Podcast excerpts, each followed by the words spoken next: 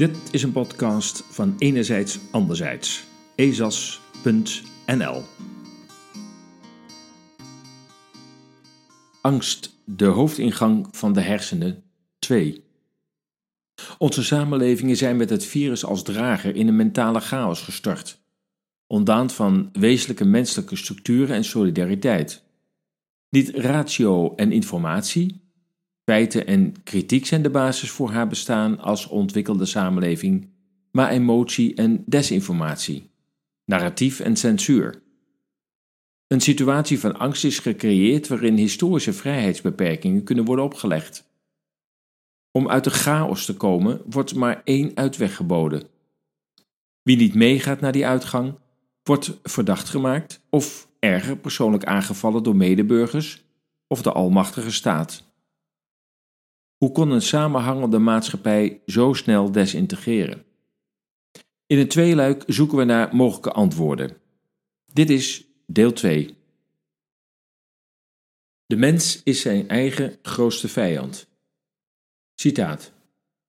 Het is niet honger, aardbevingen, microben, kanker, maar de mens zelf is zijn eigen grootste bedreiging voor de eenvoudige reden dat er geen adequate bescherming is tegen psychologische epidemieën, die uiteindelijk oneindig meer verwoestend zijn dan de ergste van natuurlijke catastrofes. En die citaat Carl Jung. We leven wederom in zo'n tijd waarin de massa zich vrijheden laat ontnemen, zich laat verdelen, uit angst voor een sterk aangezet gevaar. Er is meestal wel sprake van enige dreiging, maar die oneindig wordt uitvergroot.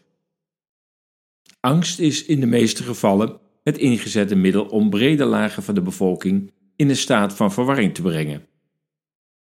Eenmaal in deze mentale situatie gebracht, kan iedereen die een uitweg of oplossing aanbiedt, worden geaccepteerd als leider, hoe onzinnig of verwoestend de maatregelen ook zijn.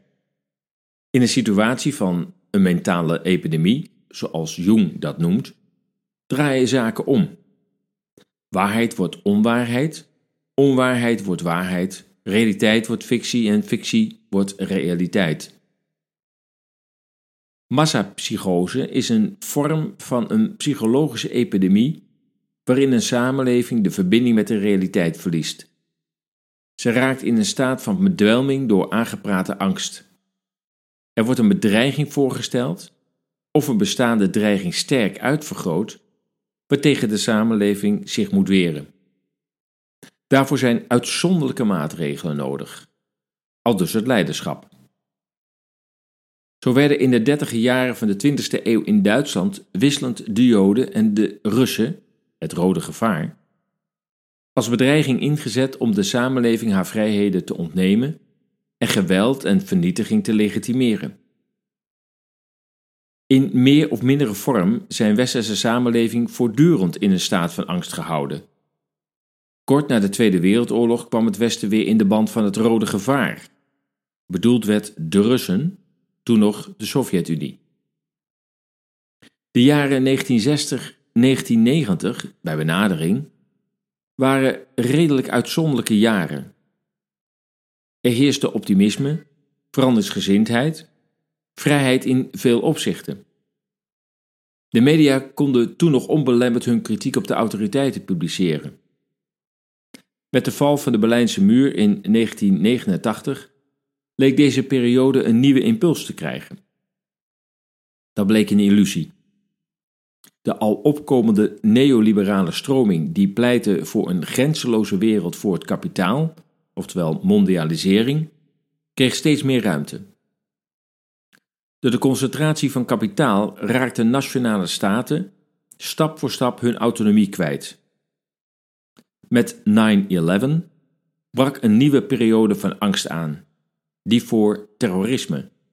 Weer pakten overheden hun kans om vrijheden in te perken, zoals het recht op privacy. Angst legitimeert dat diegenen die niet meegaan in de angst worden uitgestoten, worden gebrandmerkt, zoals in de middeleeuwen afwijkende mensen op de brandstapel belanden. De gevolgen van een uit angst voortkomende massapsychose zijn verwoestend. Mensen worden minder vatbaar voor de feiten, worden onredelijker, minder verantwoordelijk emotioneler, onberekenbaarder, maar vooral schakelen hun eigen handelen uit. Men krijgt een hang naar autoriteit. Verlies aan relevantie van feiten. De massa kan deze ontwikkeling naar massapsychose zelf niet waarnemen, omdat ze er onderdeel en drager van is. Er zijn fases naar massapsychose. De eerste fase is paniek, dat de kijk op de situatie verandert, er ontstaat verwarring, de waarneming vertroebelt. Tweede fase, psychotisch inzicht. Een nieuwe gedachteordening ontstaat. Verklaringen worden gevonden, maar niet gebaseerd op feiten, maar op illusies en emoties. De derde fase, massapsychose ontstaat, waarin een nieuwe realiteit de loop der dingen bepaalt. Zij die wijzen op afwijkende feiten worden genegeerd of erger. In deze sfeer kan een situatie ontstaan waarbij er een gecentraliseerde macht ontstaat die de massa haar rechten ontneemt. In zo'n samenleving vormen zich twee groepen: de machthebbers en de onderdrukte massa. De massa transformeert naar volgzaamheid, kritiekloze trouw aan de leiders. Vaak wordt van een tijdelijke dreiging gesproken, waarvoor voor bepaalde tijd draconische maatregelen nodig zijn. Een overwinning wordt in het vooruitzicht gesteld. Als de overwinning uitblijft, ontstaat er oppositie. Bij deze oppositie wordt door de massa als een bedreiging ervaren voor de bestrijding van het gevaar. Alle middelen worden ingezet om deze groep tot zwijgen te brengen. De strijd moet verder, wat het ook kost. Ook de leiders raken in een roes. Zij voelen zich in een groeiende machtspositie, raken verstrikt in illusies dat hun macht vergroot en dat ze wel moeten leiden. In de media zien zij steeds bevestiging van het juiste van hun aanpak. Zij worden door de massa bewierookt om hun harde en moedige maatregelen. Ze tonen leiderschap. Dit leiderschap betwisten is als tijdens het bestrijden van een brand de deskundigheid van de brandweer in twijfel trekken. Eerst moet de brand worden geblust. Daarna kan er ruimte ontstaan voor kritiek. Leiders komen in een staat van onaantastbaarheid. Om dat te behouden, moeten zij de collectieve gevoelens herordenen en manipuleren. Het is het verlammen van de geest, van het zelfstandig denken, het uitschakelen van tegengeluid. Door dat laatste ontstaat een tunnelvisie die het zicht op alternatieven belemmert, maar ook dat nieuwe ontwikkelingen zich aan het oog van het leiderschap onttrekken, overtuigd als ze zijn dat alleen hun oplossing de beste is. Opvallend daarbij is dat er sprake is van golven van angst. Hierbij worden perioden van angst gevolgd door perioden van relatieve rust, waarna een nog grotere golf van angst wordt opgewekt. Denk aan de uitspraken van Bill Gates dat de volgende pandemie de huidige verre zal overtreffen, of van Klaus Schwab dat een cyberaanval de ellende van COVID-19 in de schaduw zal stellen. Vele critici verwachten dat na COVID het klimaat en de angst voor een zeespiegelstijging van 8 meter tot extreme porties zal worden opgeblazen. Verwarring en intellectuele passiviteit. Leiders en hun media gebruiken vaak tegenstrijdige rapporten, niet-essentiële informatie en zelfs naakte leugens, waardoor de massa verder in de staat van verwarring raakt. Zo werden in Nederland mondkapjes toch verplicht, terwijl het RIVM meermaals heeft laten weten er niets in te zien. Met het dragen van mondkapjes wordt het idee in stand gehouden dat we met een zeer ernstig virus te maken hebben, terwijl cijfers anders uitwijzen. De misstanden rondom de voor het vaststellen van de ziekte ongeschikte PCR-test worden verzwegen. De bijwerkingen van de vaccins gebagatelliseerd. De verwarring en het ontbreken van een goede inhoudelijke discussie over deze onderwerpen maakt de samenleving minder in staat om het hoofd te bieden aan de crisis. De kans op een collectieve dwaling is groot. Logica kan worden beantwoord met logica. Onlogica kan dat niet. Het schept verwarring bij diegenen die nog zuiver kunnen denken, bij diegenen die andere ervaringen of inzichten hebben. Mensen eenmaal in een roes van angst willen niets meer horen van alternatieve inzichten die hun angst ongegrond kunnen verklaren. Steeds weer herhaalde mantra's hebben een grotere emotionele aantrekkingskracht dan logica. Terwijl mensen nog zoeken naar een redelijk tegenargument voor de eerste leugen, de vaccins zijn volledig getest en goedgekeurd, worden ze ondertussen weer met een volgende leugen, alleen via vaccinatie bereiken wij groepsimmuniteit, bestookt. Het herhalen van berichten wordt versterkt doordat mensen nu op talrijke media tegelijk actief zijn. Internet, smartphones, social media, overal dezelfde officiële boodschappen. Algoritmen die de boodschappers eenvoudig in staat stellen om ongewenste meningen en feiten uit te filteren en die van henzelf voortdurend onder de aandacht te brengen. De onophoudelijke stroom van berichten verhindert mensen om even uit te stappen om de informatie of misinformatie op waarde te schatten. Het blokkeert het stellen van vragen, ontneemt de tijd voor reflectie. Een andere manier om de ontvankelijkheid van de centrale boodschap te versterken is het isoleren van mensen, het verhinderen van samenkomsten, het verminderen van onderlinge contacten met familie, vrienden en collega's. Zo worden mensen meer ontvankelijk voor een boodschap dat via het beeldscherm binnenkomt. Mensen raken de verbinding kwijt met de weinigen die de massa niet volgen. Het wordt moeilijker om oppositie te organiseren, wezenlijk voor een democratische samenleving. Even een zijstapje. Wat kunnen wij leren van de luchtvaart? In de luchtvaart werkt men heel anders dan hoe nu de samenleving het hoofd aan een crisis probeert te bieden. Zo worden in de luchtvaart ook de kleinste onschuldig lijkende fouten in handelen, twijfels over de werking van een systeem mondiaal gedeeld. Hierdoor wordt de luchtvaartgemeenschap in staat gesteld zo'n melding aan te vullen met eigen ervaringen en kennis. Hierarchie is de dood in de pot. Een junior piloot moet alles tegen de ervaren piloot kunnen zeggen, ook bij de minste twijfel. Een dronken piloot moet door een stewardess kunnen worden tegengehouden de cockpit te betreden. Een centrum van alwetendheid, zoals bij COVID het Outbreak Management Team, bestaat in de luchtvaart niet, omdat het een bedreiging is voor de brede kennisvergaring en het risico vergroot op tunnelvisie, belangenverstrekkeling of kliekvorming. Wat helpt is dat de piloten deel zijn van de gevolgen van het gevaar. Zij zitten in hetzelfde vliegtuig als hun passagiers. Belemmert al dat informatie delen en bespreken niet de dagelijkse gang van zaken? Nee, vliegtuigen stijgen en dalen terwijl nieuwe ervaringen en feiten worden gedeeld en geëvalueerd. Delen van kennis en het bestrijden van een crisis kunnen naast elkaar bestaan. Mits de bereidheid bestaat om bij nieuwe inzichten die de veiligheid vergroten direct de gevolgde werkwijze aan te passen. De chaos en angst doet mensen verlangen naar een geordende wereld, weg van de onrust. Dat is het moment waarop de leiders een uitweg bieden: de inenting. Maar de mensen moeten er wel iets voor opgeven, een deel van hun vrijheid.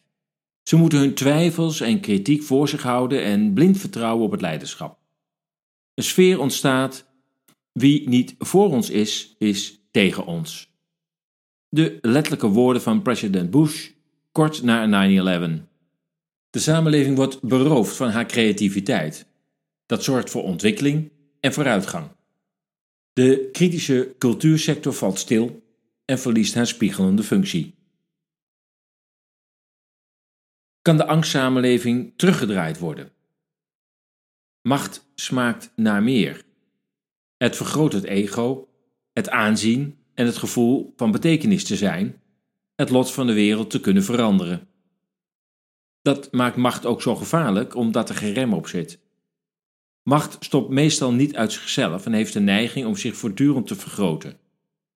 Alleen tegenkrachten kunnen macht stoppen. Belangrijke eerste stap is het herstel van de eigen persoonlijke autonomie.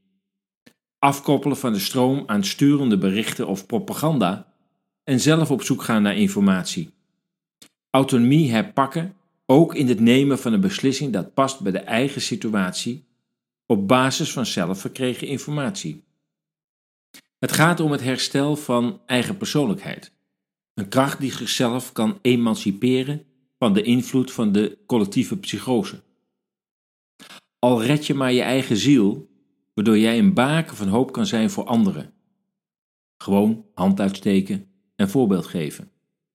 Niets is bedreigender voor de macht als de waarheid. Of wat de heersers nu noemen alternatieve feiten. Het is van het grootste belang kennis te blijven delen, zoals dat in de luchtvaart gaat. En de bestrijding van het virus kan gewoon doorgaan tot het moment dat nieuwe inzichten tot bijstelling moeten leiden. Die bereidheid om van het eigen pad af te gaan moet er wel zijn. Anders kan een samenleving als dwalend collectief recht op de afgrond aflopen, vasthoudend aan achterhaalde feiten. Václav Havel, activist en later president van Tsjechoslowakije, zocht na de Russische inval in 1968 de oplossing in parallelle structuren. Instituten, bedrijven en technieken die samen een andere samenleving vormen. Binnen de totale samenleving, maar moreel erbuitenstaand. Hij ontdekte dat dit effectiever is dan verzet. Het worden enclaves van vrijheid, opgewektheid en bevrijd denken. Of dat op de lange termijn ook de oplossing is in een klein land als Nederland is de vraag. We zullen samen weer door een deur moeten. Angst is een slechte raadgever. Altijd. Dat geldt zowel voor de met angst beladen virusdiscussie en de ongekende dwang tot meervoudige inentingen, maar ook voor diegenen die het einde der tijden voorspellen. Onze samenleving is zeker zwaar gehavend, maar maakt nog geen slagzij. Het schip drijft nog. Wie goed om zich heen kijkt, ziet nog steeds veel menselijkheid en een wens om een samenleving te blijven. Het herstel naar een meer ontspannen samenleving zal moeite kosten, moed en vasthoudendheid vragen. De kartrekkers zullen voorlopig moeten accepteren dat het overgrote deel van de mensen denkt dat het zonder inspanning wel goed komt, of vindt dat de huidige situatie nog niet zo slecht is. Voor wie wil leren zijn dit leerzame tijden. Veel betonrot in onze systemen wordt nu zichtbaar. Voor wie het wil zien. Terwijl de meeste van de 17 miljoen inwoners van de DDR thuis naar actuele camera, het NOS-journaal van de DDR, zaten te kijken en hoorden zeggen dat de industriële productie weer met 3% was gestegen, protesteerden enkele honderdduizenden tegen de onderdrukking. Na de val van de Berlijnse muur en het ijzeren gordijn hadden alle Oost-Duitsers ook geprotesteerd. Zo gaan die dingen nu eenmaal. Het zal post-COVID niet anders gaan.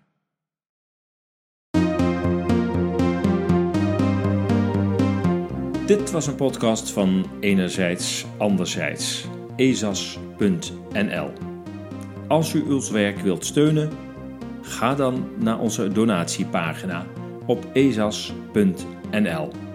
Dank voor uw waardering. Enerzijds anderzijds zoekt naar nieuwe inzichten in actuele thema's. De massamedia die lang werden vertrouwd, hebben dat vertrouwen bij velen verloren. Enerzijds anderzijds wil met haar berichtgeving meer balans brengen in actuele onderwerpen. Lees onze berichten en artikelen op ezas.nl. Laat ons uw mening weten en deel onze artikelen.